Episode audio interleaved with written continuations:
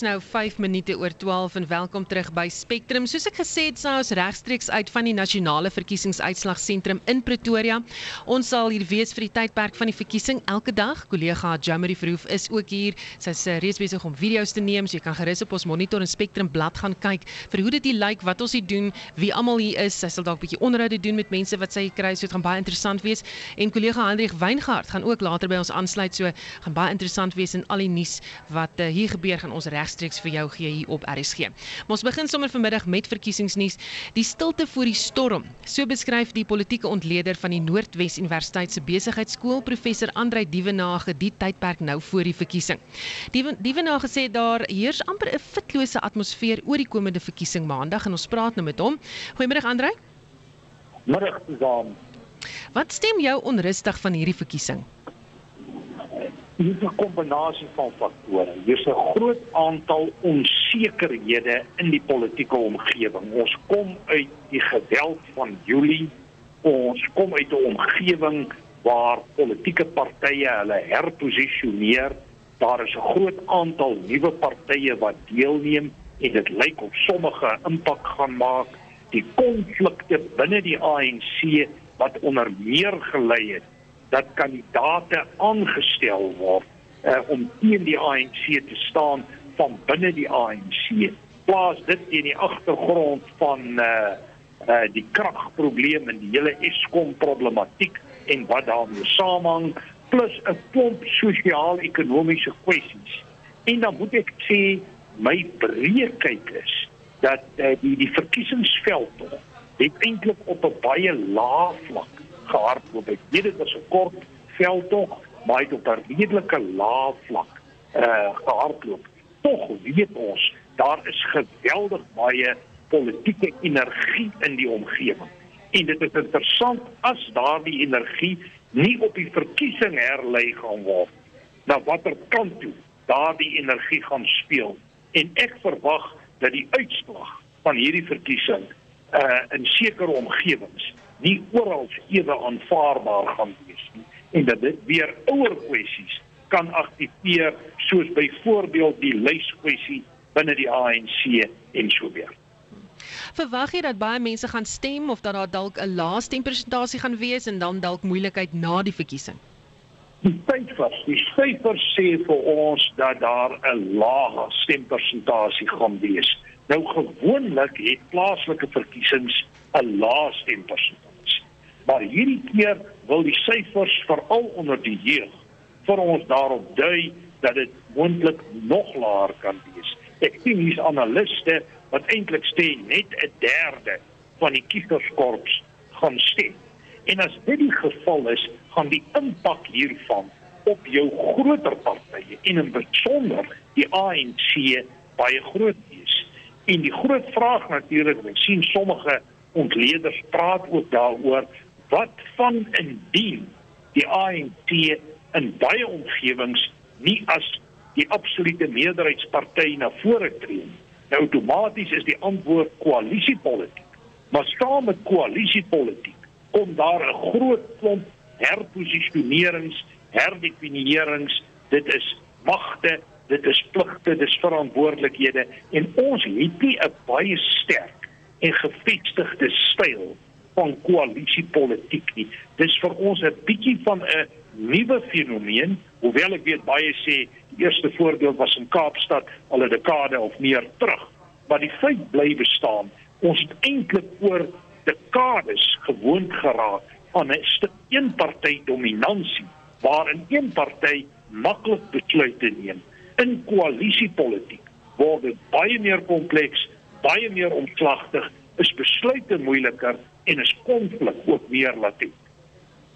Wat van die baie sluipmoorde wat ons sien, plaas dit ook 'n demper op die aanloop tot die verkiesing? Ek dink ongetwyfeld so ek het nog nie in die aanloop tot enige verkiesing die getal sluipmoorde gesien wat ons die afgelope tyd ervaar het.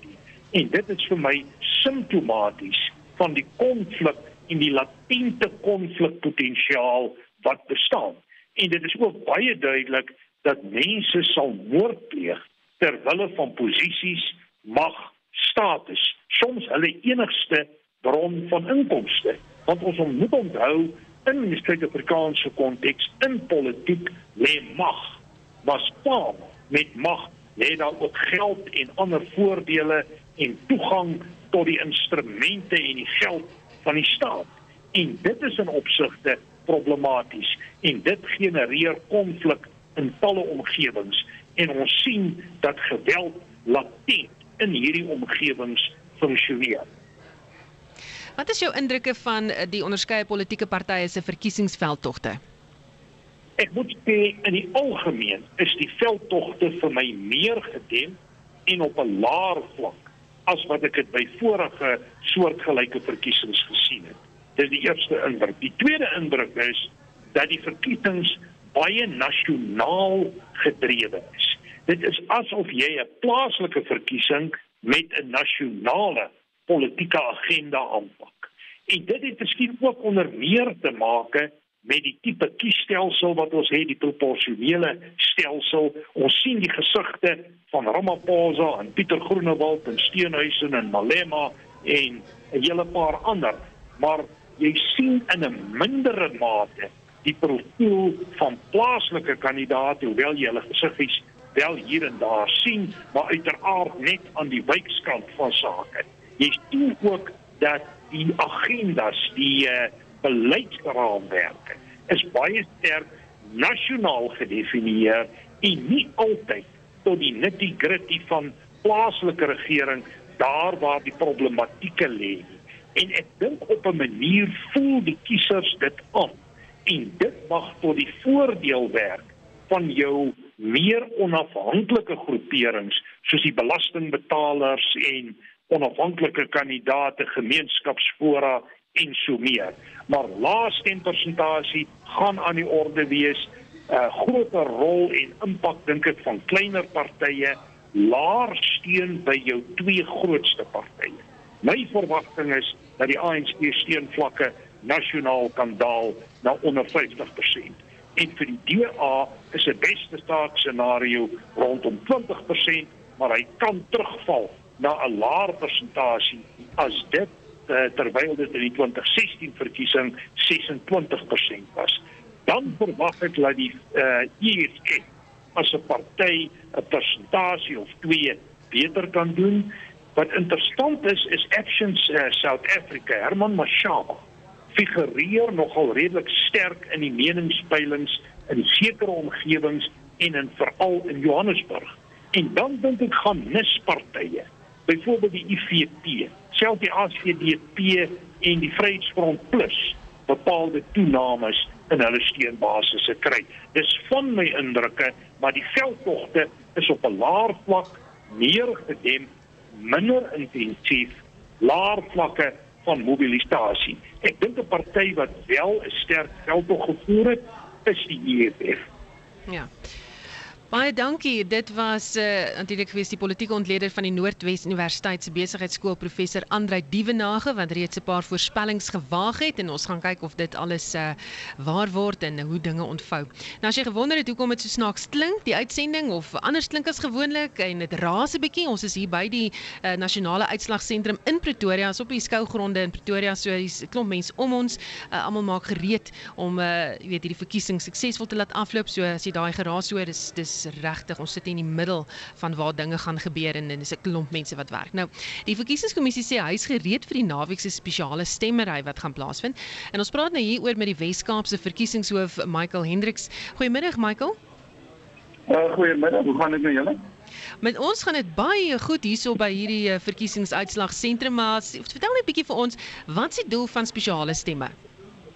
Uh spesiale stemme is daar om om die uh um, opportunity te gee vir persone wat nou nie daar kan wees maandag om dan voor die tyd te stem. Ehm um, so jy jy, jy twee tipe uh, special votes.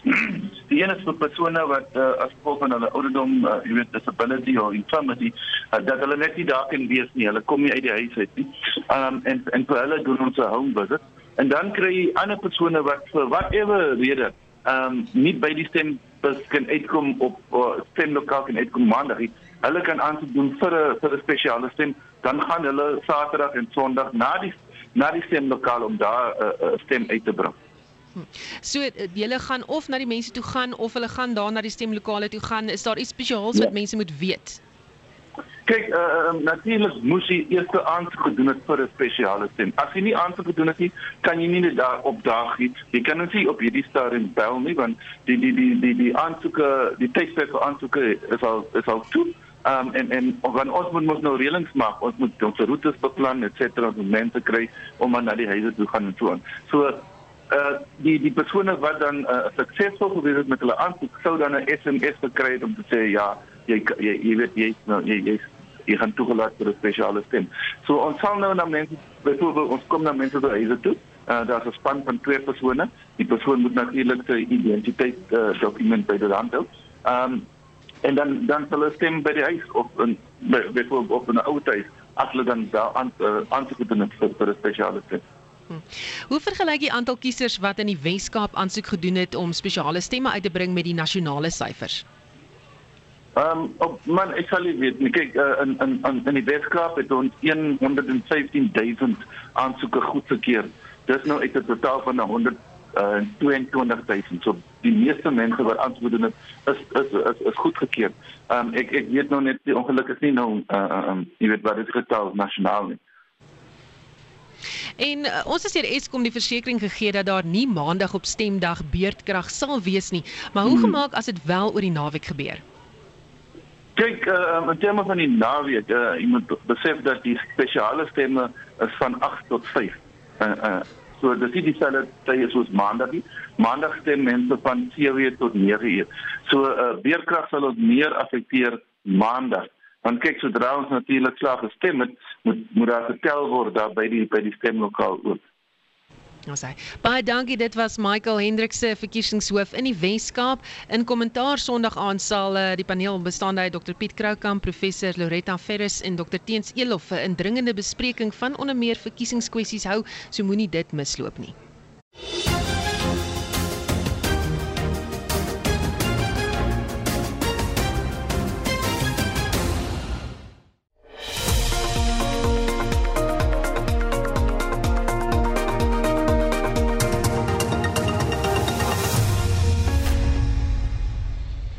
Nou 20 minute oor 12 jy luister na Spectrum hier regstreeks van die uh, uitslagsentrum die nasionale verkiesingsuitslagsentrum in Pretoria by die skougronde. Die minister van minerale hulpbronne en energie, Gwede Mantashe, het gister in Pretoria aangekondig dat 25 nuwe wind- en sonkragprojekte goedgekeur is. Die groenkragprojekte sal bykans 2600 megawatt krag opwek binne die volgende 3 jaar. Die projekte is goedgekeur in Botrond is 5 van die departement se hernubare energieprogram en Annelien Moses berig. Mantashe sê die suksesvolle beurs beloof 'n tot 25% swart deelname in maatskappye. 'n Teiken van 5% eienaarskap deur swart vroue is ook gestel. Mantashe sê 102 maatskappye het aansoek gedoen. It all goes well until people know who are the bidders who have succeeded. Then they start kicking dust. Coalscope Wind Energy Facility, Suncral Wind Energy Facility, Pesco Moyo Wind Energy Facility, Brand Valley Wind Farm, Red Clove Wind Farm, Wolf Wind Farm, Beaufort West Wind Facility, Trackers Wind Facility, Sutherland Wind Facility, Ridrach Wind Facility, Vaihoek Wind Facility, Dwarsrag Wind Facility, Grootfontein PV1, Grootfontein PV2, Mantashe sê die projek sal 'n finansiële inspuiting van sowat 50 miljard rand vir die Suid-Afrikaanse ekonomie beteken. Voort sal die projekte sowat 13000 werksgeleenthede skep. Entity participation is 49.2% against target of 40% by South Africans. A total of 34 percent shareholding by black people in IPPs was achieved against the target of 30 percent. So the DMRA not only requires participation by black South Africans at project level, but also requires participation across the entire renewable energy value chain. Mantashe sê wind en sonkrag is by die projekte ingesluit. Die Vrystaat en KwaZulu-Natal is die jongste deelnemers om by die projek in te skakel. The weighted average price of the preferred bidders include both wind and solar is 473 rand per megawatt per megawatt hour. In other words, weighted average price for wind is 495 rand per megawatt. And in solar, it is 429 rand per megawatt. Mantashe sê die regering mik om die suksesvolle beurs vir Botronde 6 teen die einde van Januarie aanstaande jaar bekend te maak. Die verslag deur Naledi Ngobo en ek is Annelie Moses vir SAK nuus. Die meeste maatskappye laat hulle werknemers toe om hulle tyd oordeelkundig te deel tussen tuiswerk en op om op kantoor te wees. Dis alles deel van die sogenaamde nuwe normaal tydens die COVID-19 pandemie en al meer mense is egter besig om terug te keer werk toe, maar hoe veilig is dit werklik? Ons praat nou met 'n regsgeleerde van die regsfirma Innovation Legal, Charlene Delahant. Goeiemôre Charlene. Susan, goeiemiddag. Kan jou werkgewer jou dwing om in te ent alvorens uh, jy weet jy terugkeer kantoor toe? Susanna's uitgangspunt moet ek dalk net vinnig noem.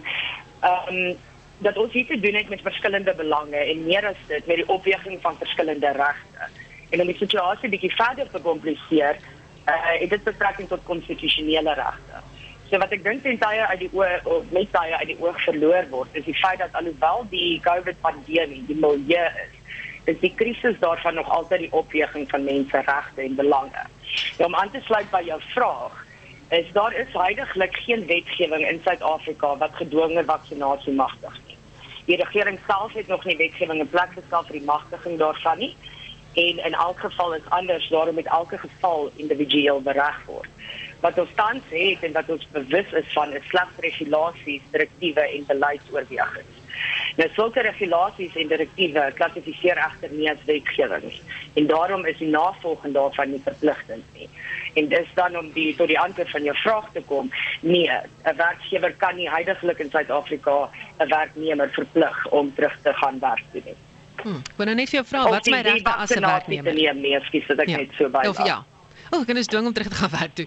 Hoorie so Jolene, ek, ek wil vra, jy weet, wat is my regte as 'n werknemer? Wat moet ek sê as uh, my maatskappy sê goed, jy moet terugkom werk toe, maar jy moet end ook? Wel, weet jy Susan, dit is 'n baie eenvoudige vraag met ek is bevrees 'n baie gecompliseerde antwoord. Ehm um, eerstens, uh, natuurlik is dit jou reg in terme van die konstitusie om gevaksinneer te word, maar so ook jou reg om nie gevaksinneer te word nie. Indien 'n werkgewer jou egter dwing om terug te kom werk toe wanneer jy nie gevaksinneer is nie en jy as gevolg van jou weiering om so terug te gaan werk toe, jy dan ontslaan word, kan jy natuurlik uh, enige hof of selfs die kommissie van menseregte nader. Want dit sal dan uh, in my opinie op hierdie stadium dit sal klassifiseer as 'n uh, outomatiese onbillike ontslag. Hmm. En wat van my regte as ek kies om ingeënt te word en daar's die wat wil saamwerk toe of saamwerk toe gaan in die kantoor maar hulle wil nie ent nie.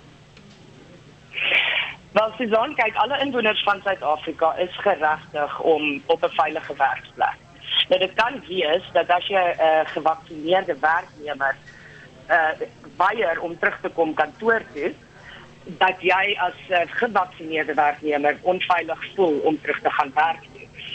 Wat in daai geval mag gebeur is dat jy het die moontlikheid om dan te weier om jou werksplek te betree. Natuurlik elke besluit, alhoewel dit gebaseer is op konstitusionele regte, het ook sy nagevolge. Ja. Goed, wat gebeur as die maatskappy so sê almal moet terug gaan kantoor toe? Ek is geënt, maar kry COVID by die werkplek. Wel, die moontlikheid dat jy 'n eis kan hê teen jou werkgewer kan nie uitgesluit word op hierdie stadium nie. Dit het ongelukkig nog nie uitgekristalliseer nie, maar ek dink en in my opinie is dit moontlik en waarskynlik dat jy sulke eise gaan Dit is waar hy sal hê dat sulke eise ook meer sal opduik in die nabye toekoms dit is egter baie belangrik om net kennis te neem van die feit dat elke geval anders is en so ook elke individuele geval uh, apart bereg moet word. En hoe kan maatskappye en werknemers verseker dat almal veilig is in hierdie tydperk?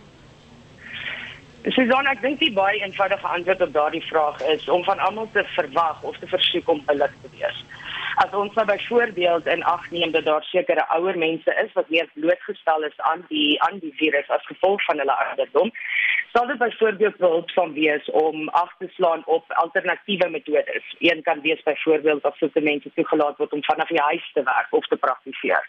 Dit is baie belangrik dat almal se se belange in in so 'n geval uh, geakkommodeer word. Daar is tans ook 'n dokument wat gesirkuleer word op die op die internet wat voorsiening maak vir 'n assesseringsproses deur die toepassing van drie stappe en die die basiese en essensie van hierdie dokument is dat werkgewers elke individuele werknemer se persoonlike uh, situasie en belange in ag moet neem en dan gebaseer op dit 'n besluit moet neem of dit moontlik is of nodig is dat sulke werknemers wel die kantoor moet besoek en of dit makliker is vir hulle van die huis af te werk. Charlene, net so laaste vraag, dis maar 'n grys area reg. Dan absoluut. Um, ek probeer ek probeer my bes om om uh, goeie advies te gee, maar dit is belangrik om in ag te neem dat daar is nog geen definitiewe konstitusionele antwoord op hierdie vraag nie. Dis maar 'n dis 'n baie groot grys area soos jy nou reg uitgewys het. En dit is belangrik dat ons op hierdie stadium in gedagte hou 'n konstitusionele reg die reg op 'n veilige werksplek teenoor die reg op lewe teenoor die reg wat elke persoon het om nie die vaksinering te te vat nie is alles ewe sterk regte wat op die ou end van die dag opgeweeg moet word teen mekaar en soos ek sê dit dit is ongelukkig nog nie uitgekristalliseer tot so so 'n punt waar daar 'n definitiewe antwoord op hierdie tipe van vrae gegee kan word nie Baie dankie. Dit was 'n regsgeleerde van die regsfirma Innovation Legal, Charlene Delahant.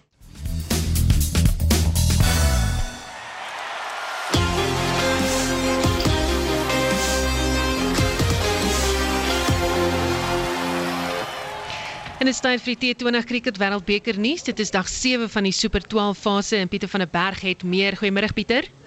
Middag sê Susan, ja, kom ons loer vinnig na gister se uitslag op dag 6. Een wedstryd gespeel, Australië het vir Sri Lanka geklop met 7 paaltjies en 'n baie goeie oorwinning daar vir hulle wat beteken dat Engeland in en Australië in groep 1 beide 4 punte het na twee wedstryde. Suid-Afrika is derde met 2 punte na een uh, twee wedstryde en Sri Lanka dan 'n vierde. In groep 2 is Pakistan. Die voorlopers hulle het 4 punte met Afghanistan tweede en Namibië derde. Op die oomblik in Sharjah, baie warm Sharjah weer vandag. Bangladesh speel teen die Wes-Indiese eilande. Dit is in groep 1 ook waar Suid-Afrika met ander woorde is en dis van 'n nommer 5 en 6 op daardie punte leer wat mekaar takel en ek moet sê dat die Wes-Indiese hier word absoluut vasgedraai deur die veral die draaibal bowlers van Bangladesh. 29 vir 2 na 6 bilbeete kan jy glo 36 balle reeds gebal net twee grenshoue twee viere en eh, die mokerman Chris Gayle kom open vandag. Hy is terug in die paviljoen vier lopies van 10 uh, balle. En Evan Lewis hy kon 6 aanteken van 9 voor die paaltjies op die oomblik en Hetmeyer. Beide het 8 lopies 29 vir 2 na 6 bilbeete en dit gaan baie goed met die uh, draaiers. Hassan hy spog met 1 vir 7 en uh, Raman hy het een vir twee lopies in een bal weer. So hulle is onder groot druk die Wes-Indiese eilande. Dis 'n moedwen vir beide spanne. Die span wat hier verloor, nou ja, dis nie eens verby wat van jaar se toernooi verder aan betref. Dan later vanmiddag speel Afghanistan teen Pakistan. Nou dis baie interessant in groep 2. Dis span nommer 1 en span nommer 2. Daardie wedstryd begin om 4:00. Ons gaan nie op hoogte hou van gebeure, maar daarmee Susan, eers terug na jou in die uitsaai sentrum in Pretoria. Baie dankie. Dit was ons sportkorrespondent Pieter van der Berg. Quentin de Kok bly 'n heftige besprekingspunt. Dit selfs nadat die Protea speler gister die land 'n verskoning gevra het omdat hy onlangs geweier het om gehoor te gee aan 'n opdrag van Cricket SA. Dit was om voor elke wedstryd in die T20 Wêreldbeker toernooi te kniel as 'n gebaar teen rasisme. Ons praat hieroor met professor Andrei Odendaal, 'n sporthistorikus en skrywer van 'n reeks boeke oor cricket in Suid-Afrika. Goeiemôre Andrei. Uh, goeiemiddag uh, Susan. Dankie dankie dat jy my uh, geskakel het. Sê vir my, aanvaar jy die Kok se verskoning of nie en waarom? Ek is bly dat hy 'n verskoning gemaak het en uh, dat uh, dat uh, dinge nou weer kan vorentoe gaan. Ehm um, vir my was dit 'n kwessie van hoe moeilik is dit om verstewend om om 30 sekondes te neem om empatie te wys. Ehm um, uh, en om die menslikheid van van swart mense op hulle voorwaardes te erken. En veral omdat 36 spelers uh, daai brief geskryf het verlede jaar, 'n volle derde van elke van alle swart spelers wat vir Suid-Afrika gespeel het, en gesê hoe hulle kultureel en anders uh, jy weet uh, uitgesluit gevoel het. Hmm. Wat is jou reaksie daarop dat Cricket SA nie vooraf hulle opdrag met die spelers bespreek het nie? Ehm um, ek ek ehm um, verstaan ek dink dit sou beter gewees het as hierdie storie ehm uh, weet al lank al uitgewerk is, maar dit was nou so so 'n verduidelikheid. Ehm um, het hulle die span kans gegee ehm um, om dinge uit te werk onder mekaar en ons het uh, regtig dit was 'n uh, soort van baie snaakse uh, beeld wat ons uitgestuur het as 'n span en daai foto's in die eerste wedstryd en ek dink omdat dit oor rasisme gaan het die raad leiding geneem en ek dink die die vinnige soort van opvolg uh, deur uh, Quentin het gewys dat dit um, ons eintlik beslissend gaan wees om ons vorentoe gaan neem. Wat dink jy is die grootste uitdaging in plaaslike cricket vandag? Wel, ons moet nou ehm um, regmaak wat in die paar, laaste paar jaar baie skeef gegaan het en eh, ehm um, onder 'n baie moeilike ekonomiese situasie en ook in in die uh, situasie in wêreldkriket dis dat India, Engeland en Australië ehm um, alles domineer en veral die die geld wat gemaak word uh, jy weet die eerste deel daarvan self terughou. So Suid-Afrika moet nou begin ehm um, dinge agter mekaar kry in ons eie huis. Ons moet begin uh, goed getoon op die internasionale verhoog en om jy weet 'n uh, soort van daai ehm um, daai uh, brand identity wat so belangrik is om dit um, uit te beeld en ons boodskappe moet konstant bly. Ons moet vorentoe gaan agter goeie waardes en um, om um, met die met die uh, bedoeling om elke om inklusief te wees en en en eenheid te bou in die toekoms. En ek dink ons kan dit nou doen. Hierdie Black Lives Matter storie was eintlik ehm um, ehm um, 'n soort middelmatige debat en wat ons te lank van teruggehou het en ek ek voel nou dat daai leierskap uh beslissend was en dat ons kan uh dinge begin regkry. Baie dankie. Dit was professor Andre Odendaal. Hy's 'n sporthistorikus en medeskrywer saam met Lord Peter Hein van Pitch Battles Sport Racism and Resistance wat onlangs verskyn het. De Kok of die De Kok sage sal ook Sondag aand op kommentaar onder leiding van Heinrich Weingart um, ter sprake kom.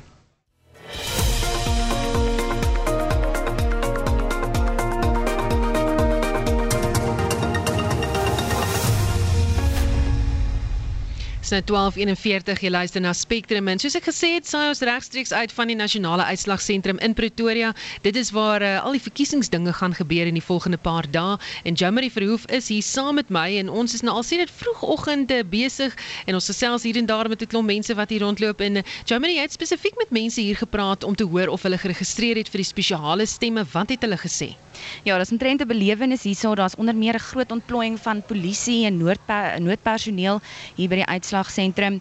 Maar Susan, iemand het vroeër vir my gesê sy wijkraadslid het sedert die laaste verkiesing van partye verander, maar hy gaan steeds vir haar stem. So dit gaan nie vir hom oor die party nie, maar oor die individu en die feit dat sy toeganklik is vir die gemeenskap en dat sy nog altyd help. So hy gee meer om oor haar bedrywighede binne die munisipaliteit eerder as die party uh, wie sy verteenwoordig. Dan nog iemand het vir my gesê hulle weet nog steeds nie vir wie om te stem nie omdat sy spesifieke wijk net eenvoudig so baie kandidate het. En dan is daar ook 'n hele paar mense hier by die raak wat erken hulle weet nie eintlik wat die verskil tussen 'n munisipale en 'n nasionale regeringsverkiesing is nie.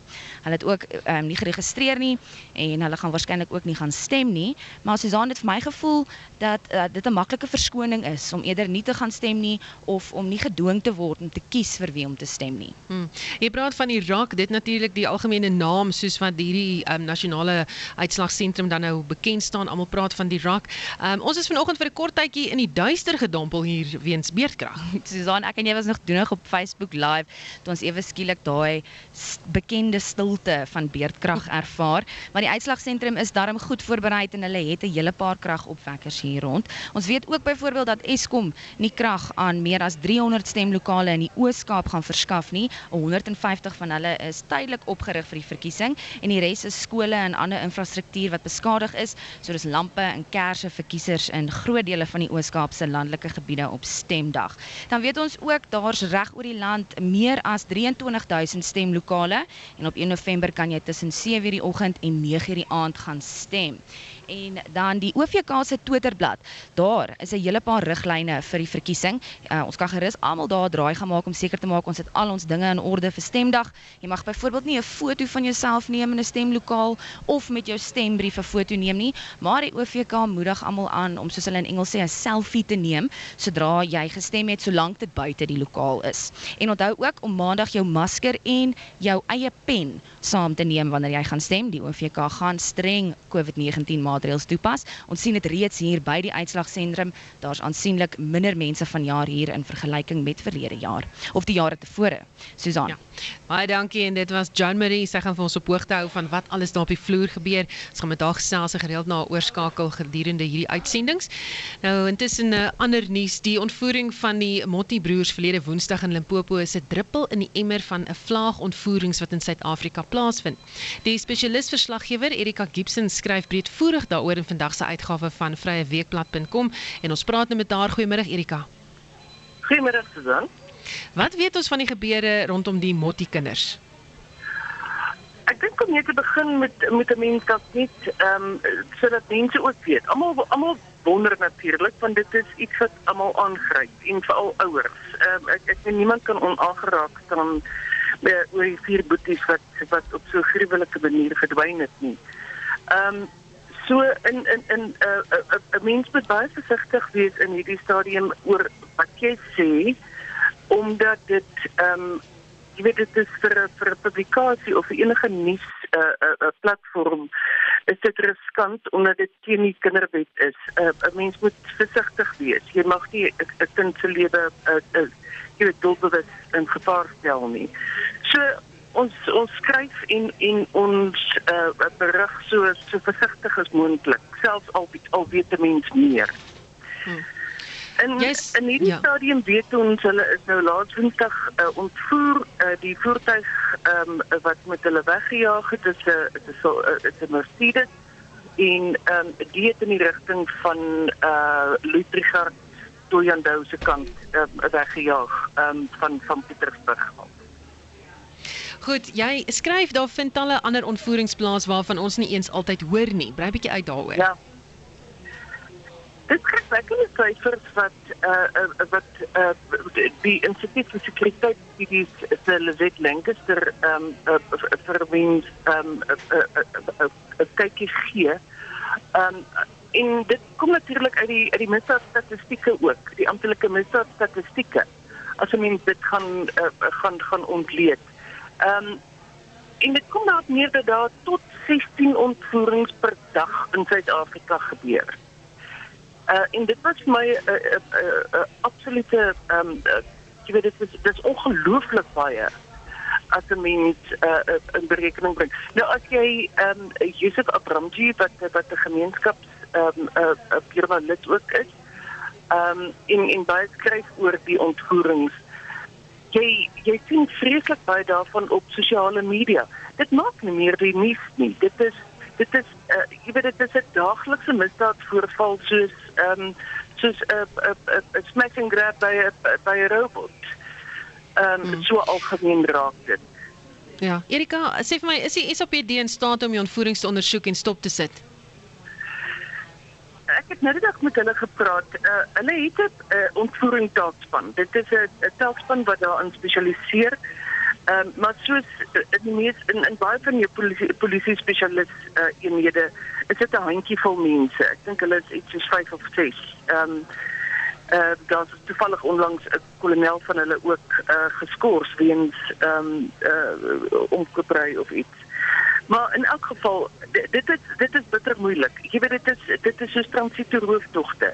Ehm um, as jy kyk na 'n uh, 'n uh, 'n uh, 'n uh, uh, syndikaat uh, wat 'n mens vermoed agter die motiekinders se ontvoering betrokke is. Ehm um, jy weet jou jou syndikaate uh, uh, draai hulle mantels na die wind. Ehm um, hulle hulle doen transito rooftogte. Hulle blaas ehm um, kitsbanke op. Uh hulle hulle hulle pas aan by die die die jy weet wat wat maklik is. Ehm um, en en wat is makliker as om iemand te gryp en met hom te gaan sit te wag en en 'n uh, 'n losprys vir sy vrylating te um, te eis. Daar sê baie dankie. Dit was Erika Gibson, sy is 'n spesialis verslaggewer wat onder meer vir vryeweekblad.com skryf oor weermag kwessies. Baie dankie met ons gesels het. Dit het uiteindelik begin reën in die Noord-Kaap. Die provinsie gaan die afgelope paar jaar gebuk onder droogte en ons praat met Willem Simington, die voorsteur van natuurlike hulpbronne en rampbestuur by die Agri SA sentrum vir uitnemendheid. Goeiemôre Willem. Goeiemôre Susan. So hoe goed was die reënneerslag? Ai Susan, dit is met 'n dankbare hart dat ek vandag met jou praat uit die Noord-Kaap. Ons het uh, laas donderdag het ons al reeds goeie reënval gehad oor groot dele van die Noord-Kaap en die afgelope 24 ure het hy weer baie wyd versprei gereën. So ons is geweldig dankbaar daarvoor. Gepraat daarvan, weet ons al hoeveel en waar oral dit gereën het? Ja, dit het van die suide van uh, Nieuw-Wol Calvinia afgereën tot bo in die boonste oostelike en noordelike gedeeltes. Daar's wel nog daar in die Bosmanland rondom Pofadder en dan ook in die verre westelike Kalahari is daar nog kolle wat nie so oorvloedig gereën het nie. Maar uh, ons is gewoond dat die Noord-Kaap is mos maar 'n droë provinsie. So uh, ons hoop dat daardie gedeeltes dan nou ook sal inval by die volgende opvolgreëns. En hoe lank sleep die droogte al voort en hoeveel reën kort julle om die droogte te breek? Susan, hier is ons dele in die Noord-Kaap wat al reeds van 2013 af rampdroogte toestande ervaar het. Soos wat ook gereeld op RSG berig is, is dit dan al amper 10 jaar lank wat ons geweldige rampdroogte toestande in die Noord-Kaap gehad het. So mense moet besef dat 'n eenmalige goeie reën gaan nie die einde van die droogte beteken nie. Maar iewers moet hy daarom ons nou begin ook om die droogte te breek en ons hoop regtig dat hierdie reën wat nou die afgelope week geval het, dat dit die begin van gunstige klimaatstoestande is vir boerdery in die Noord-Kaap. En die provinsie het ook deurgeloop onder veldbrande wat duisende hektaar veiding verwoes het. Sal die reën 'n verskil maak? O ja, verseker. In die eerste plek is dit nie net op 'n kort termyn wat ons nou bietjie die uh, risiko vir brand uh, kan afskaal nie, maar ook die gedeelte wat gebrand het is mos maar jou meer bosveld savanna gedeeltes en daar sal hierdie goeie reënval baie beslis binne 'n week of twee verseker uh, dat daar goeie nuwe lenteweiding en lentegras is wat dan ook hierdie boere se situasie sal versag. Baie dankie. Dit was Willem Simington, die voorsteur van natuurlike hulpbronne en rampbestuur by die Agri SA sentrum vir uitnemendheid. Nou ons gee jy nou 'n opsomming van die nuus van die dag en wat nog aan die ontwikkel is en Heinrich behartig dit vandag Heinrich. Susan Maandag se plaaslike regeringsverkiesing oorheers die nuus en daarmee saam die onsekerheid en bekommernis oor beerdkrag. Oor die verkiesing het professor Andre Dievenage van die Noordwes Universiteit se Sakeskool vroeër aan jou gesê die aanloop daartoe is vir hom deur onsekerheid gekenmerk. Ons kom uit 'n omgewing waar politieke partye hulle herposisioneer daar is 'n groot aantal nuwe partye wat deelneem. Die konflikte binne die ANC wat onder meer gelei het dat kandidaate aangestel word om teen die ANC te staan van binne die ANC plaas dit in die agtergrond van die kragprobleme en die hele Eskom problematiek plus 'n klomp sosio-ekonomiese kwessies Ons het ook by die verkiesingskommissie se Weskaapse hoof Michael Hendrikse gehoor dat hulle gereed is vir môre en Sondag se spesiale stemmery. Hy's minder bekommerd oor beerdkrag oor die naweek as op Maandag. Die spesiale stemme is van 8 tot 5. So dit is dieselfde tyd soos Maandag nie. Maandag stem mense van 7 tot 9 uur. So beerdkrag sal ons meer affekteer Maandag. Want kyk sodra ons natuurlik slaap gestem het, moet moet daar getel word daar by die by die stemlokaal ook. En soos wat jy vroeër genoem het, Susan sluit ek maandag by jou en Joan Marie Verhoef aan om regstreeks daarvan af die OVK se verkiesingsuitslae sentrum in Pretoria op Spectrum en Monitor verslag te doen soos wat julle twee reeds vandag doen. Ek het ook nou 'n foto geplaas op Facebook om vir ons uh, luisteraars te wys hoe jy daar sit op die skerm en ons hier van die ateljee af met jou skakel. Dan laastens het ons kommentaar gekry van die regsgeleerde Charlene de la Hand oor of mense gedwing kan word om hulself te laat inent ten einde te kan terugkeer na die werksplek nou dat sake na normaal normaal skyn terug te keer. Hier is haar mening. Daar is heidaglik geen wetgewing in Suid-Afrika wat gedwonge vaksinasie magtig. Die regering self het nog nie wetgewing in plek gestel vir die magtiging daarvan nie. En dan het ons verneem dat die openbare beskermer advokaat Boesie Siwe Mekobane haar pas onttrek het van die kortleskandidate vir die amp van hoofregter. En dit was Heinrich opsomming van stories uit vandag se program en uh, daarmee groet ons namens ons uitvoerende regisseur Nicoline de Weer, die span in Johannesburg, Justin Kennedy en Dayton Godfrey en die span hier by die uitslagsentrum is Jamie Verhoef en Cedric Temba. Ek is Susan Paxton. Geniet jou naweek.